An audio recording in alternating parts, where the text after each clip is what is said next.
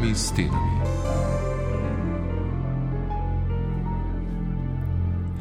O sramu kot normalnem čustvu, ki se pojavi v določenem obdobju otroštva, in o sramu kot pretirano toksičnem stanju, ki povzroča izgubo medsebojnega stika med starši in otroki, bomo govorili v tokratni oddaji med štirimi stenami.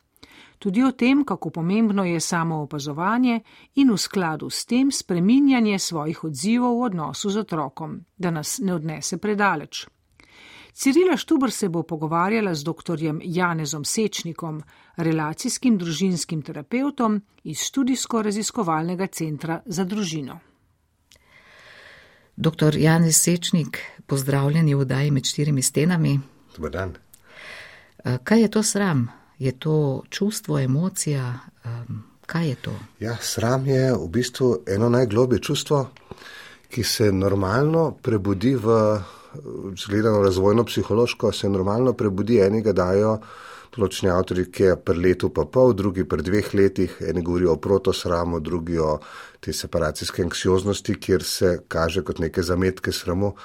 Gre za ta občutek, da sem drugačen od mame v razvojni psihologiji, v tem smislu se najprej pa pozna, da otrok vidi, da je drugačen od mame in se ne čuti več enega z mamo. Prej ima otrok občutek, da je z mamo kar ena taka oceanskost, mama ga pestva, pogledi, vse se zrcali in otrok ne doživlja tega, da je drugačen. Pa pa v enem momentu pride ta občutek, ne se naseli. In takrat otrok, otrok spozna, da je tuj, da je mama mu tuja in on je tuj njej. In uh, to je en tak uh, izvir lahko čistega, normalnega, pristnega sramu. Zdaj, če mama to zregulira, pa vidi to stisko otroka, pa ga potolaš, tukaj sem, v redu je, moj si in tako naprej, se to normalno, ta sram upelje v odnose in je sram lahko čist funkcionalna, funkcionalna, jasno zdrava, nujna emocija, s katero je fajn, da smo v stiku, ki nam daje odločne signale v odnosih tudi naprej v življenju. Sram seveda kasneje pa dobi še druge oblike lahko, uh, recimo, um, ne vem, otrok skoči v bazen, pa bi si želel, da ga mama vidi, mama ga ne opas, ne vem, pa spet otrok ne dobi potrditve. Tako da nadalje avtori itak zmeri pravijo, da sram je v bistvu prekinitev medosebnega mostu, od tam potem nadalje izvira sram.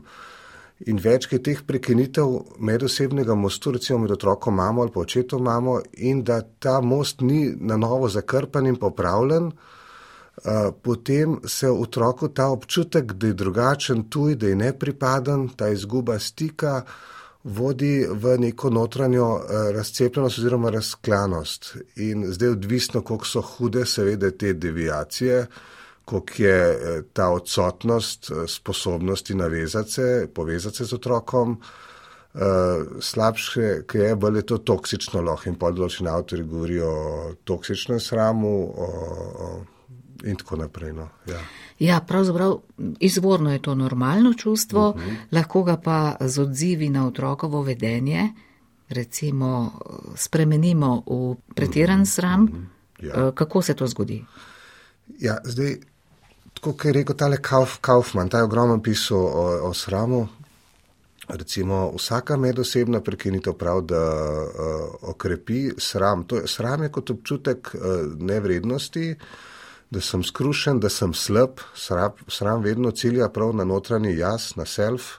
Torej, jaz kot Janes sem slab, nisem dober, nisem sposoben, sem slabič ne, v tem smislu. In uh, sram je zato neka master emotions prišel tudi, ne, je kot glavna emocija, ki ti daje občutek uh, v smislu biti, ne biti. Ne. In zdaj, ja, če je teh med, če gledamo ta sram, ki iz odnosa izvira, uh, najprej v povezavi s primarnimi skrbniki, potem seveda se lahko to več kaj teh uh, razpok v odnosu, bolj se uh, rata obširen in otrok uh, rata tok bolj odtujen uh, staršem in hkrati v njegovem notranju doživljanju uh, postaja odtujen od ostalih in pa škart ne, se počuti. Tako da je ta kombinacija osamljenost, škart, odtujen, doben me ne čuti. In seveda v realnem življenju pol to matrico nekako, uh, ki se v možgane ugradi, uh, je v življenju treba ali predrugačati ali pa z njo živeti nekako. Ne. Ta sram ja. lahko postane nekako kronično toksičen. Ja, ja rečemo ja. maligen tudi. Ja, loh, ja. Kaj se zgodi, kaj se dogaja z otrokom? Ko se to zgodi, eh, najbrž se odtegne od staršev, tudi od okolice. Ja, seveda sledijo razna uh, deviantna vedenja. Recimo, ko sem delal eno raziskavo v zvezi z doktorsko dizertacijo, se je izkazali tisti otroci, ki so bolj nagnjeni k sramu, uh, ker to smo tudi pogledali odnose, da torej, kjer je manj stika v družini med starši in otroki, tam je.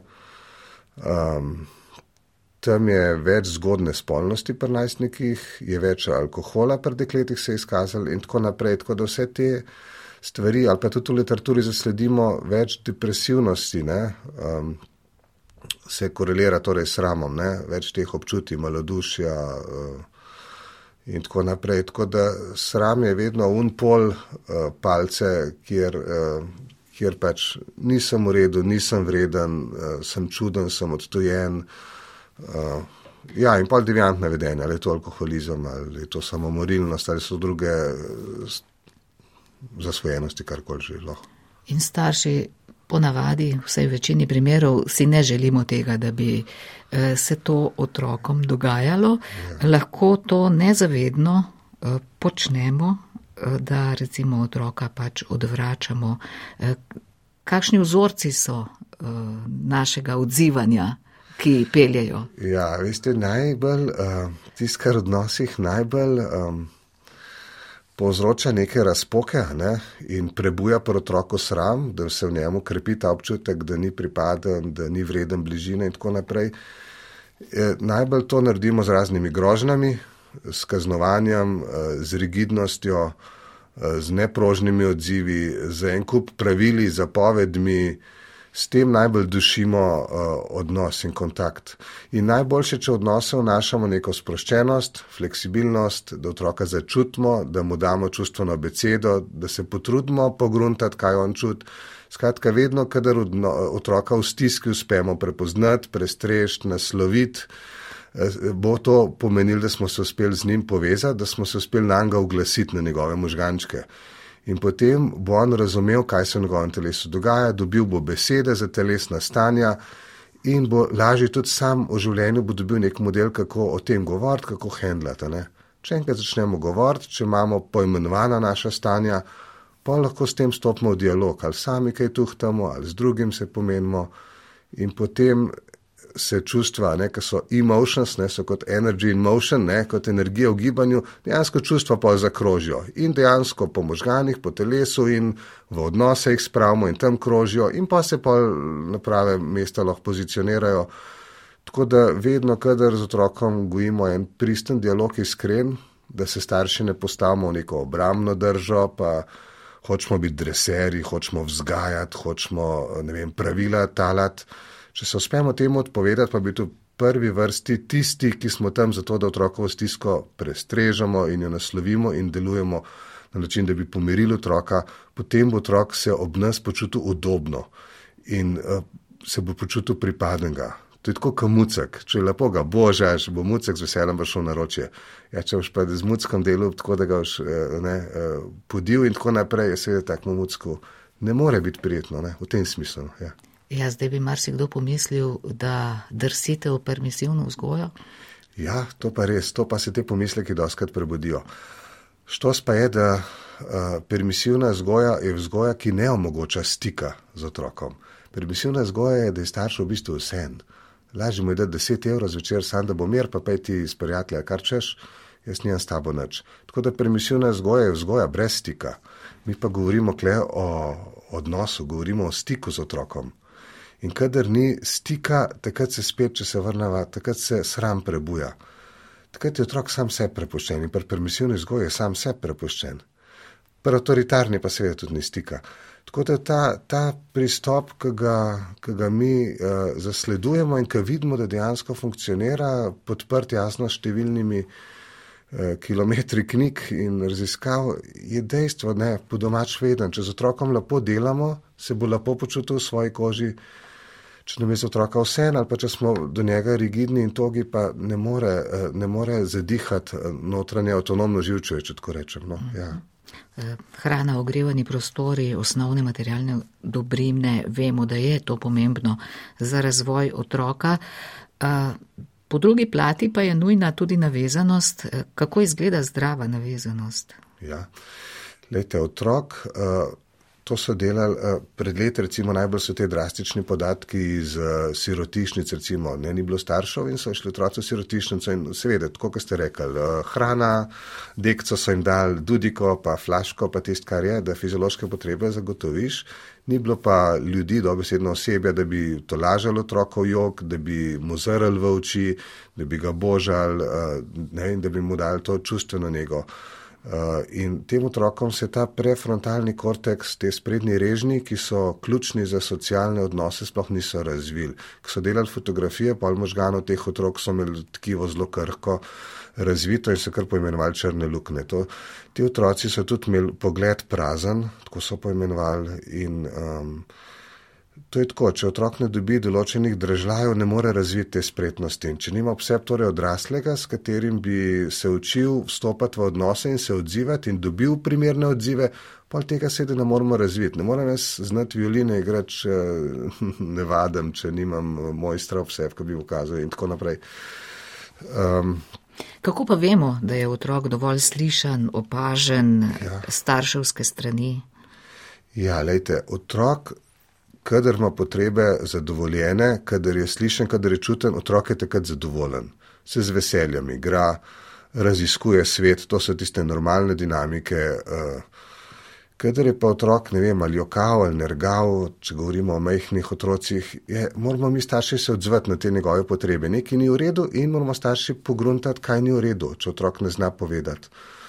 Uh, prej ste sprašvali še o navezanosti, a ne dejansko v teh zgodnih letih, tja do leta pa puha, ne, se zelo položi ta temelj eh, navezanosti in otrok takrat pogrunta, kako se, uh, mislim, pogrunta ne na tej uh, ravni korteksa, ampak uh, on črpa to vzdušje in seveda, če mu je takrat mama in oče, da ste mu na razpolago, da ga delujete pomirjujoče, da ga zajoka, da, da razumete, da je to signal, da ga je treba ali popestvati, ali nahraniti, ali pleničko treba zamenjati, ali ne. Uh, Skratka, da razumete te otrokove odzive ne, in se na to uglasite in prilagodite, da ste tam za njega, da veste, da se zavedate kot odrasla, sva dolžna poskrbeti za njega in za njegove potrebe.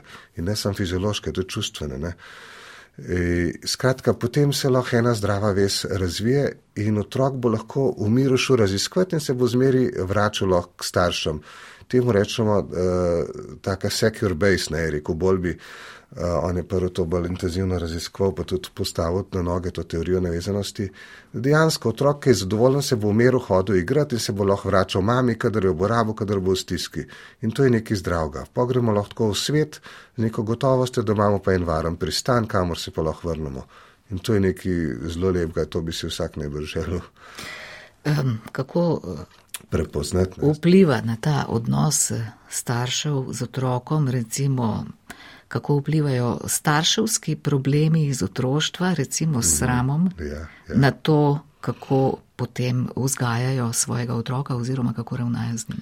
Ja, uh, pretekle generacije so bile pogosto ali so jih vzipko dal, pa je tam pač otrok bil, ne, pa boh pomagi, ne. Uh, Še kaj imajo še zdaj metode, ne? da pač na tri ure se ga hrani, pa pika, ne? da ga bomo naučili reda in discipline. Ne? Ampak to je zelo uh, togo in rigidno, ne? seveda otrok ob tem ni opažen v svojih potrebah in tako naprej. Uh, hočem reči, uh, ja, to je super, ne? da imamo mi, če imamo mi otroka, jasno ob njemu, če bomo se mu dali na razpolago, mi pa seb itak prepoznali in trčili na neke osebne meje ali pa na neko osebna stiska se nam bo prebudila, ki seveda prebuja se v sedanjosti, v odnosu z otrokom, v bistvu je pa naša zgodovinska, ne, zgodovinska problematika. In otrok je neizmeren dar ravno v tem, da se mi ob njemu lahko predrugačimo. Mi prepoznamo lahko ob otroku, on nam na nek način da ogledalo in mi lahko predrugačimo svoje odzive. Večkrat celo zasledimo, da smo res pa delujemo tudi mi na nek način z nekim sramom, da upletamo, kar prihaja iz našega implicitnega spomina ven.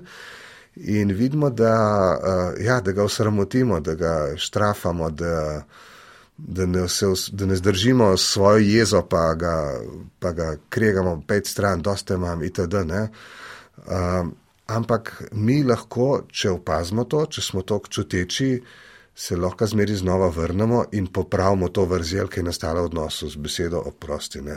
Prej sem bila pa jezna, oprosti mi, eh, fejstfanci, eh, rade te imam, ampak me je pa res na obrate spravili in podobno dalje. Tako da mi te, te razpoke stalno lahko flikamo nazaj in se naši možgani v tem spreminjajo in otrokovi, tako da mu bo varen odnos sen. Ampak vseeno, eh, tisto puščanje v zipki, dokler ne ja. pride eh, mama iz službe, recimo, ja. ali pa iz nekega dela na polju, eh, to je zelo nezavedno ostalo v nas.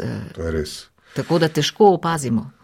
Je težko in uh, različen štart imamo, in kakšni imajo možgane res tako uh, zaznavane s temi zipkami, če tako rečemo, da imajo res mogoče nižji potencial razvit neko. Uh, tako prožnost, kot bi jo sicer razvili, če bi imeli oni boljše razmere. Sigurno se to do neke mere vleče naprej, ampak vsak ima svoj štart in od tam naprej lahko kreira odnose na nov, kvalitetnejši, boljši način. To pa. Tako da mi imamo lahko različno, seveda, preteklost, imamo lahko za sabo alkoholične starše ali nasilne, ne vem kaj, ampak mi lahko v sedanjih odnosih vsem. Eh, zavestno gradimo ostale odnose. Ampak da pa jih zavestno začnemo drugačne graditi, moramo pa zelo globoko sebe jed ponavati. Če ne gremo zelo globoko sebe po tisto bolečino, kaj nas prizadel, se pa zgodi, da običajno glih tisto bolečino kljub vsemu spet otrokom naprej podamo. E, tako da kle je en velik ene samo evalvacija, kako koli že ne. Verjamem, da boste rekli, da idealnih staršev ni, ampak kako narediti, da bi čim manj te bolečine naprej prenašali in da bi čim več opazili. Kje je tista meja, dokot sežemo sami, kje pa mogoče potrebujemo strokovno pomoč? To, to je dobro vprašanje, ampak nimamo nekega naravoslovnega odgovora, številskega ali kakšnega koli. Dejansko, ko posamezni že čutne in opaz, da ni stvari kos da mu je hudo, kako se odziva, da bi rad drugač, pa mu ne uspe, kljub dobri volji, kljub nekim poskusom, pa vidi, da se zmeri znova zacikla v ene stare vzorce. Uh, ja, takrat je dobro poiskati pomoč. Ker je vedno znova pozabi in je recimo eh, ali celo fizično ali pa vsej verbalno recimo nasilen ja. do otroka. Ja, včasih je dobro torej, poiskati pomoč, kjer dobiš pa malo širši pogled uh, vase, v svojo zgodovino, da lažje razumeš svoje telo, svoje odzive. Uh, nisi grd, nisi hodoben, kad to počneš. To so odzivi, ki ven šibajo iz avtonomnega živčevja in te afekt prehiti. Uh, ni da bi eh, hotel svojega otroka eh, potovč, pa polomit, pa ne, ga zlomit eh, in njegovega duha streti, ne vem kaj še. To večina staršev ni pa tega interesa, seveda. Ampak ne hote, ne vede, to ven uhaja iz našega implicitnega. Ampak se pravi, to se da vse uh, tekom življenja uh, izboljšati, ker naši možgani so plastični, se spreminjajo celo življenje. Recimo ta hipokampus, struktura, ki je povezana z sodelovanjem z emocijami, implicitni spomin, pa tako dalek, pa komunikacijo s korteksom in tako. Dejansko je dokazano, da se v 50 letih se pa celice zamenjajo vse tam živčne. Kar pomeni, mi smo v 50 letih lahko nov človek. človek. E, kako se pa to pomanjkanje stika in navezanosti, pa sram, ki je s tem povezan, zariše v možganjih? Zdaj. Uh, dejansko v možganjih uh, te nižje strukture, limbični sistem, ne, kjer so nezavedne stvari, pa deblo možgansko, kjer imamo boj, beg, uh, zamrznitev in tako uh, te funkcije, ki so delujejo iz avtonomnega ne, sistema živčnega. Uh, no, te, te, te vse te nižje strukture se povezujejo s korteksom, taki neki krogotoki krožijo, ne pravijo. In te krogotoki krožijo, kadar so odnosi varni, kadar eh, se lahko to povezuje s tem čelnim režnem uh, korteksa. Uh, to je takrat, kadar če je otrok jezen, da mama reče, si jezen, pet, kaj te je zjezil, da damo nek pomen, pol te jezi, ne pa da rečemo, jezit se ni lepo, nehi se jezit, pa nas se nomo jezil, kaj pa rubantaš. Ne, da gremo iz tega vzgojnega elementa ven, ampak da gremo v odnos z njegovimi možgančki. No, v tem primeru bojo tisti njegovi krogotoki in vse to, kar se v nižjem sistemu živčnem dogaja, bo nekako on začel lahko razumeti in bojo te krogotoki krožili bo njegovi možgani zorel in te krogotoki in emocije uh, bo razumel kot del življenja, jih bo znal ubesediti, poimenovati. Uh, Medtem ko če mi ta stik prekinemo, kot sem jih kar nakazal, da otroka nekako odrežemo, pa se zatečemo k neki disciplini, zdaj pa mir, pa red, pa dost, pa tako dalje, ali pa celo še kaj grobega bolj.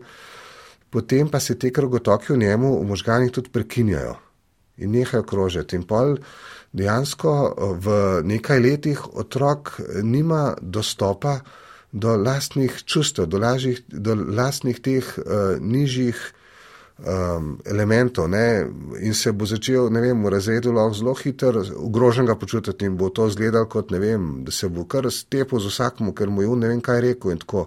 In lahko na vedenski ravni pa zelo to nefunkcionalno, če ni te notranje regulacije.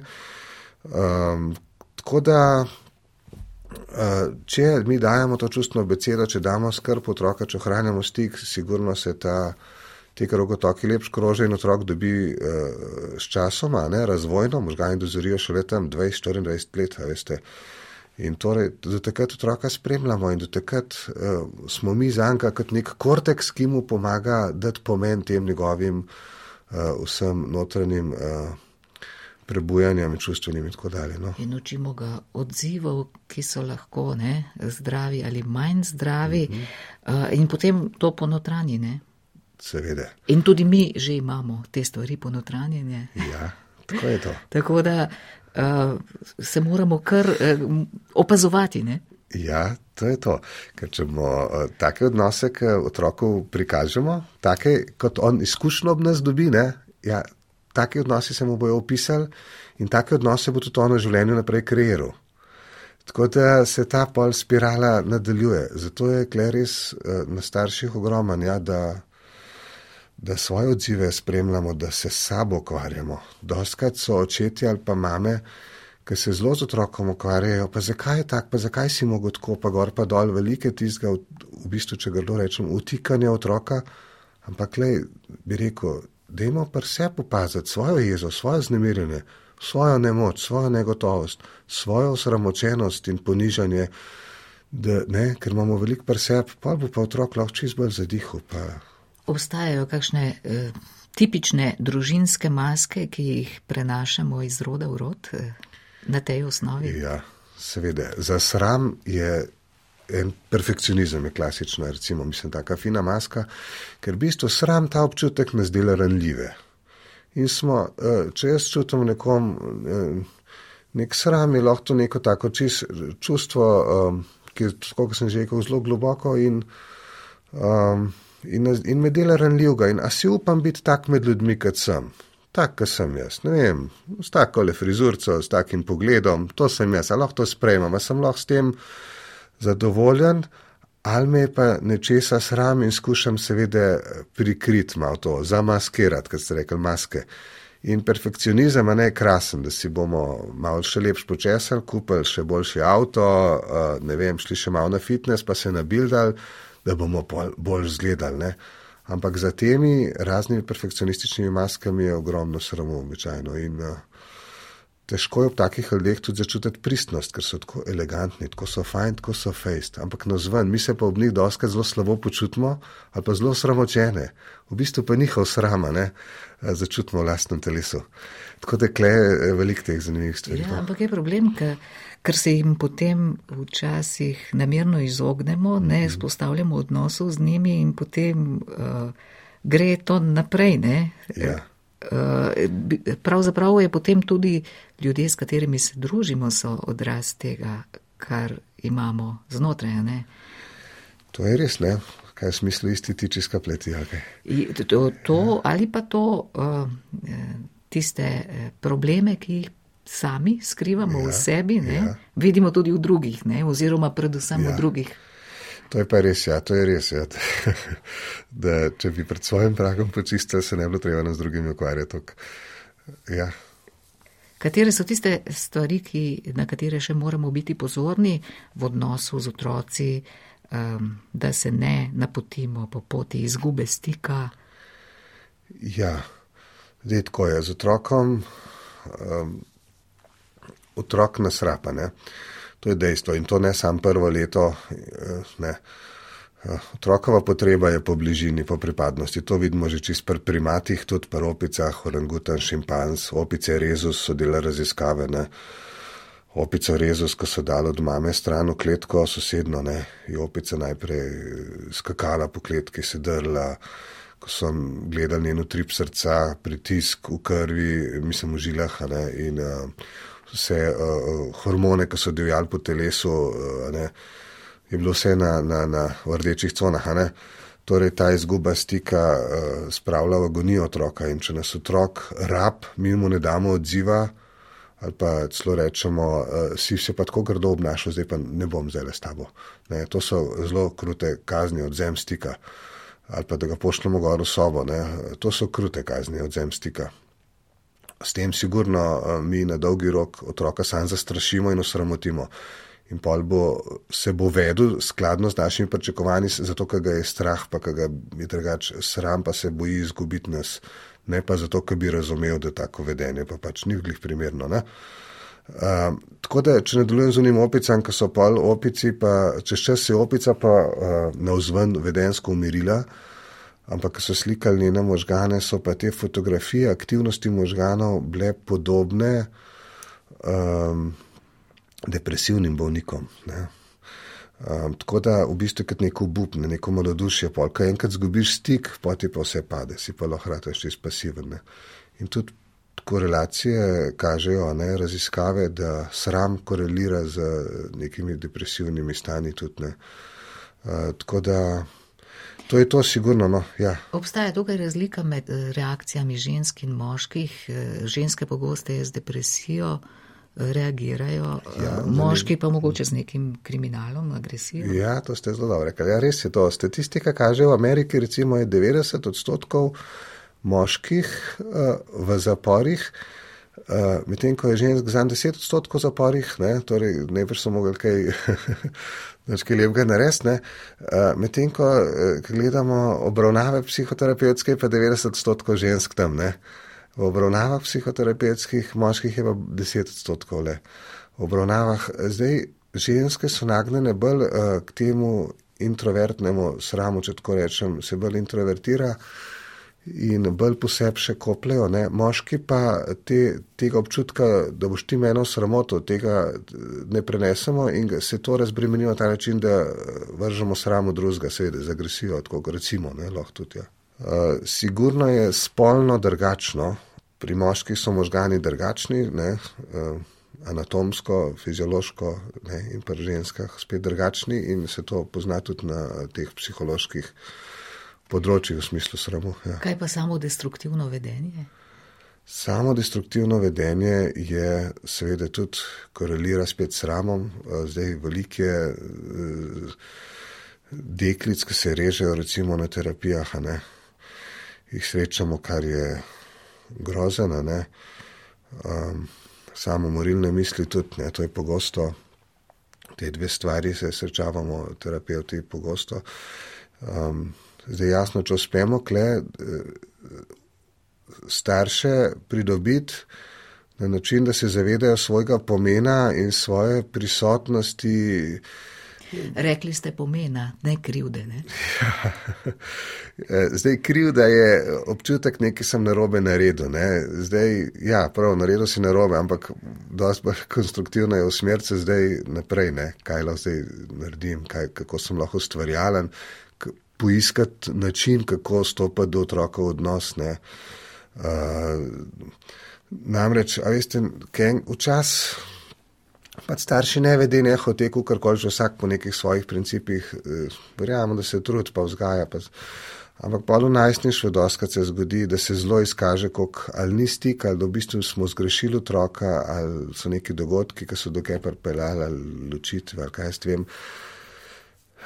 Zmeri znova je treba poiskati stik z otrokom. No, in tudi najstniki, ki eni rečejo, a se so že, zdaj so pa že samostojni, zdaj so pa že kar odrasli.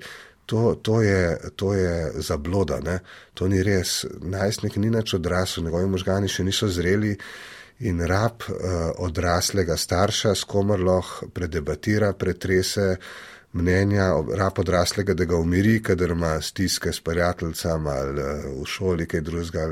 Pač, pr, eh, najstniki so zelo hipersenzitivni, oni seveda, danes jih to zmoti, jutri jih tiš, čez pol ure je že drugačno, lahko občutijo teleso, pač tako imajo oni hormonske stanje takrat, oni to ne delajo ali na leš, ali zato, ker so, ne vem, um, zafrkavajo iz nas, pa no, kaj si norca delaš z, z mene, ne, ni to.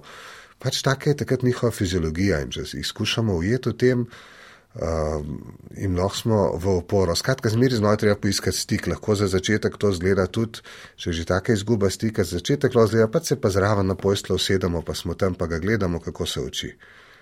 Ne vem. Uh, Nekaj lahko naredimo. Povabimo v kino, če ima rad kino, povabimo v gledališče. Ne vem, nikje lahko začnemo stik tkati, tudi če se je že zelo zabrisal, pa zgubo. Uh, Doskrat je tako, da mladi rečejo, ne, sej nočem imeti starši. Zato, ker češ bom starše obremenil, jih nočem bremeniti. Ne, to pomeni, da očitno starši nismo sami zase znali poskrbeti, da otrok potem um, noče nas bremeniti, ker smo že mi očitno tako bogi ali kaj, uh, kar je zelo slabo, to ne seveda. Ker pol otrok se sam skuša znajti na nekih Facebookih s prijatelji, ampak to ni to. Ne. Ja, najstniki tudi drugače kažejo to stisko.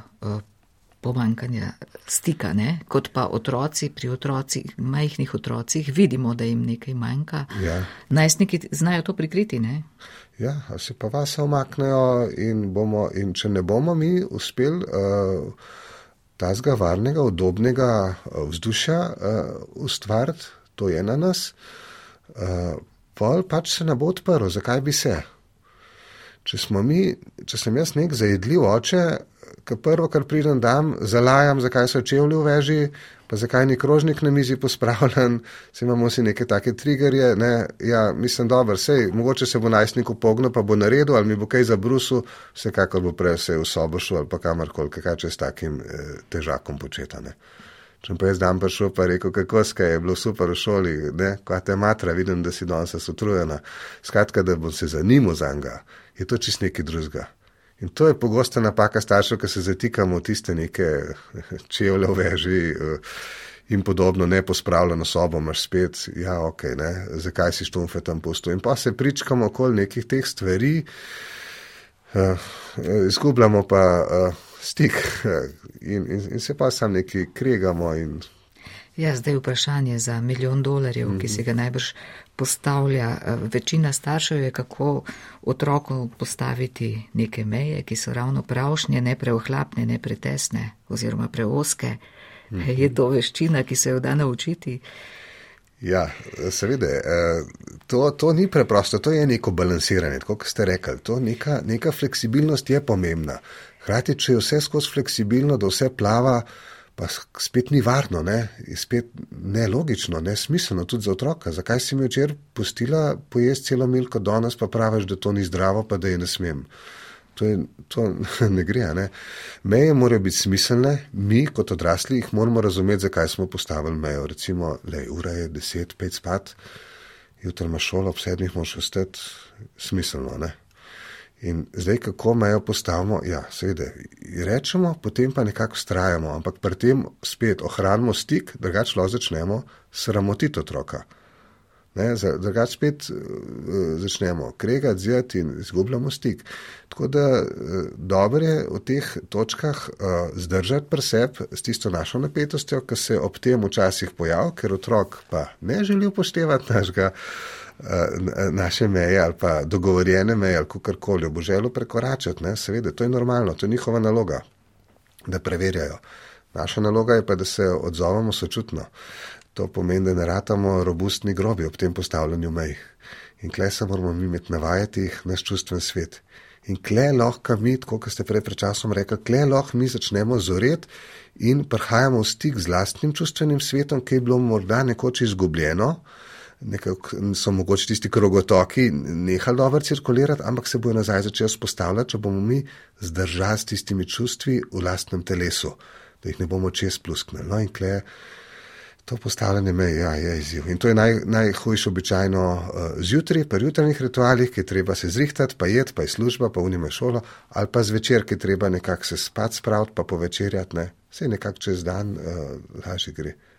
Nekje ste zapisali, starševstvo se ne začne s početjem in rojstvom otroka, starševstvo se rojeva vsakodnevno. Ja, vsakodnevno, ne to pomeni, glih vseh teh izzivih, postavljanja mej, otrok se tudi skozi spreminja, pri dveh mesecih je tako, pri enem letu je že drugač hlača, pri dveh letih spet so drugi izzivi in tako naprej. Starševstvo je skozi spreminjanje in mi se skozi ob tem moramo spreminjati in v bistvu razvijamo stalno dnevno nek nov model. Ampak ta model je fajn, da izmeri nagnen kot roko, k iskanju uh, bližine z njim, stika, ker na ta način se bom počutil ob nas pripadne in udobne. In to je tiste zdravo popotnice za anga. No? In to je neko zdravo starševstvo, da, da po domaču vedno ne znorimo vsi obajtno. Ja, v glavnem idealnih staršev ni, ampak kako bi nas vi, recimo, opogumili, da recimo bolj gledamo, vse samo opazujemo in gledamo, katere svoje, če se izrazim, rane prenašamo ja. naprej. Veste kaj, veliko lahko preberemo v očeh otroka. Ne? Če recimo intenzivnega pogledamo v očke, pa vidimo, a se nas mečkam boji, ker smo mečkam šorf včasih pa razumemo, da ja, malo sem šel predaleč, me čez rob nesel, ker mi ni všeč, da je tisti pogled malo povešen, ker srama, veste, povzroči, da se pogled poves, eh, mišični tonus opade v vratu, malo ličkalo zardečijo, če je tega sramu še več. Um, tako da dejansko milo že čisto na telesni ravni, kaj opazimo, pa rečemo, kaj jaz sem bil pregrob s tabo, ne? ali kaj jaz sem preveč ti na pridgu. Lahko zmeri znova pridemo nazaj. Um, Tako da pogled v otrokovih očeh sigurno na velik pove. Druga stvar je, eni se intenzivne lotijo z nekim pisanjem osebnega dnevnika, ne vem, to so take bolj intenzivne stvari že. Um, dejstvo je, da če pridemo službe utrujeni, pa da pa prepoznamo, da zmer, kad rizalto stopimo not v hišo, pa že takoj nek kažin delamo, pa sami sebi nismo všeč, pa se nam to kar ponavlja.